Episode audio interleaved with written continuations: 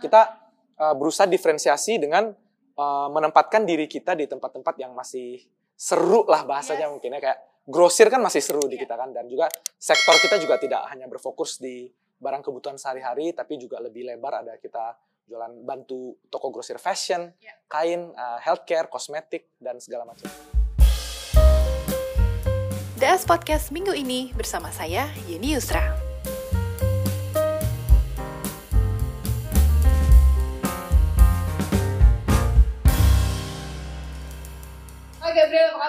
Halo Yeni, kabar baik. Thanks for having me. Thanks for coming. Akhirnya kita ketemuan.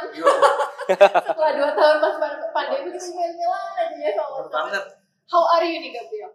Doing well, doing great. Uh, excited, although some says ini tech winter, tapi kita selalu optimis. That's yeah. the founder spirit. Sebagai pandemi baby ya, pandemi baby, how is it so far, Credibook? Uh, udah dua tahun lebih, progresnya seperti apa?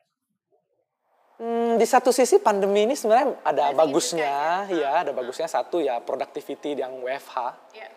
Itu bikin kita punya uh, freedom in responsibility oh. gitu ya. Oh. Jadi kayak mungkin ada banyak yang kesusahan buat adaptasi gitu ya yang sebelumnya ya. udah kerja, tapi ya. kita yang lahir di masa pandemi ini kita jadi terbiasa dengan uh, working remote, kita terbiasa dengan taking responsibility in our freedom gitu ya. ya. Di satu sisi juga kita experience growth yang bagus karena kita digitizing SMEs. Oh. Pandemi ini kan kadang-kadang menjadi katalis. Yeah. Jadi kita melihat growth, uh, adopsi produk kita itu bagus so far.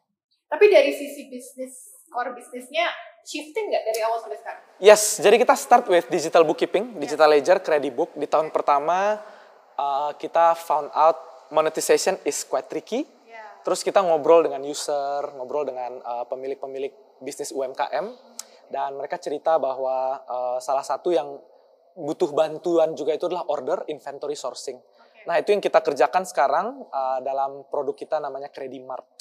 Oh. B2B commerce, kita bantu wholesalers, inventory management, product management, dan juga bantu wholesalers atau toko grosir jual ke toko retail. Itu yang differentiate Credibook dengan platform lainnya ya? Dengan mengedepankan trademark ini. Benar. Jadi kita nggak cuma catatan digital, yeah. tapi kita ada platform transaksi online B2B. How is it so far? Responnya baik? Well, it has been really really good. Oh. Mungkin kita launch itu setahun setelah kira-kira setahun setelah Credibook official launch ya. Okay. Jadi kayak Februari tahun lalu kita udah sekitar uh, satu tahun berdiri. Kita uh sekarang ada tersedia di 40 kota di Jawa dan Bali. Okay. Dan untuk growth-nya sendiri ya 6 bulan terakhir itu sekitar tujuh kali lipat lah. Wow jadi akan jadi fokusnya kredibook ke depannya atau bookkeepingnya ditunda dulu nih? Atau ditiadakan mungkin ke depannya?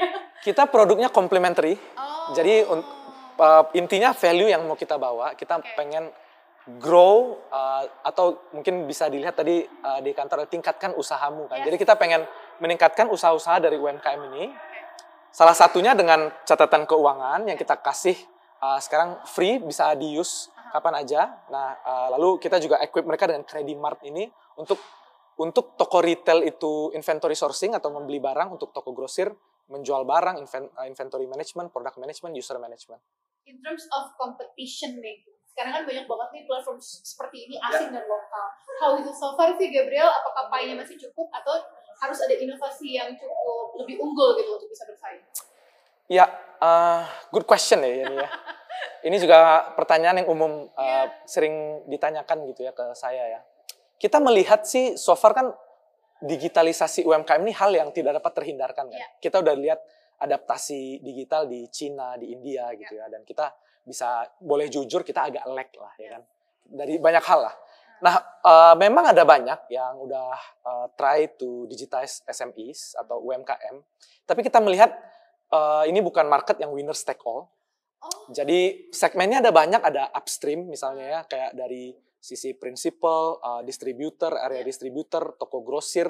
Toko grosir pun ada yang kecil, ada yang sedang, ada yang medium size, ada yang gede. Lalu ada retailer. Jadi dari supply chain-nya banyak dan juga dari sektor kategori juga banyak gitu ya. Oh, ada yang kategorinya barang sehari-hari, yeah. ada fashion, yeah. ada grocery sekarang yang lagi heboh misalnya ya atau uh, cosmetics, healthcare. Nah, kita uh, berusaha diferensiasi dengan uh, menempatkan diri kita di tempat-tempat yang masih seru lah bahasanya yes. mungkin ya kayak grosir kan masih seru yeah. di iya. kita kan dan juga sektor kita juga tidak hanya berfokus di barang kebutuhan sehari-hari tapi juga lebih lebar ada kita jualan bantu toko grosir fashion, Ya. kain, uh, healthcare, kosmetik dan segala macam.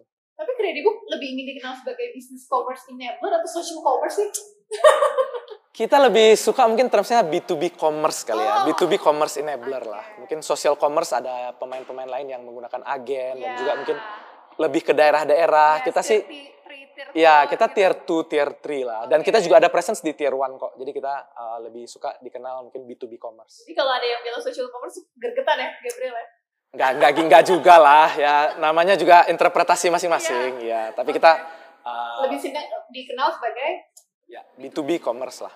Last question nih, uh, Gab. Ke depannya Gabriel melihat the next wave untuk platform atau sektor yang disasar oleh Gabriel seperti apa sih? How do you scale for the next two or three years? Yes, good question. Kita lihat kalau B2C, consumer gitu ya, in terms of commerce, Ya. itu kan udah mulai mature ya. Kita melihat pemain-pemainnya udah mulai IPO, ya kan? Yes. Nah, kami di Credibook melihat the next wave itu ke B2B.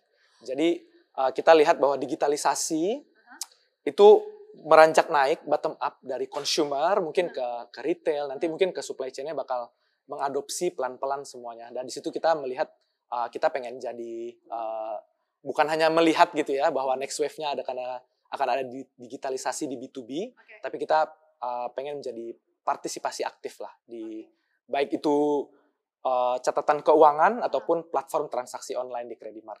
Oke, Sorry, last but not least. Uh, funding masih ada planning atau ditunda dulu karena tech winter ini?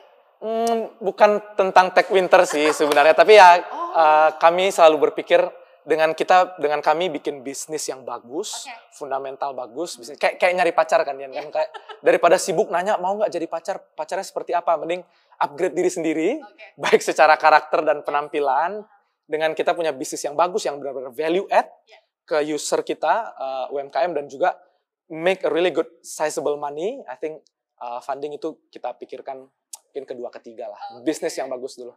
Terima kasih Gabriel atas Thank you. waktunya. Sukses terus untuk Credibook dan Credimartnya ya. thank you banget ya Oke. nih Itu dia tadi bincang-bincang kita dengan Gabriel dari Credibook. Saya Yeni Yusra pamit. Sampai jumpa. DS Podcast minggu ini bersama saya, Yeni Yusra.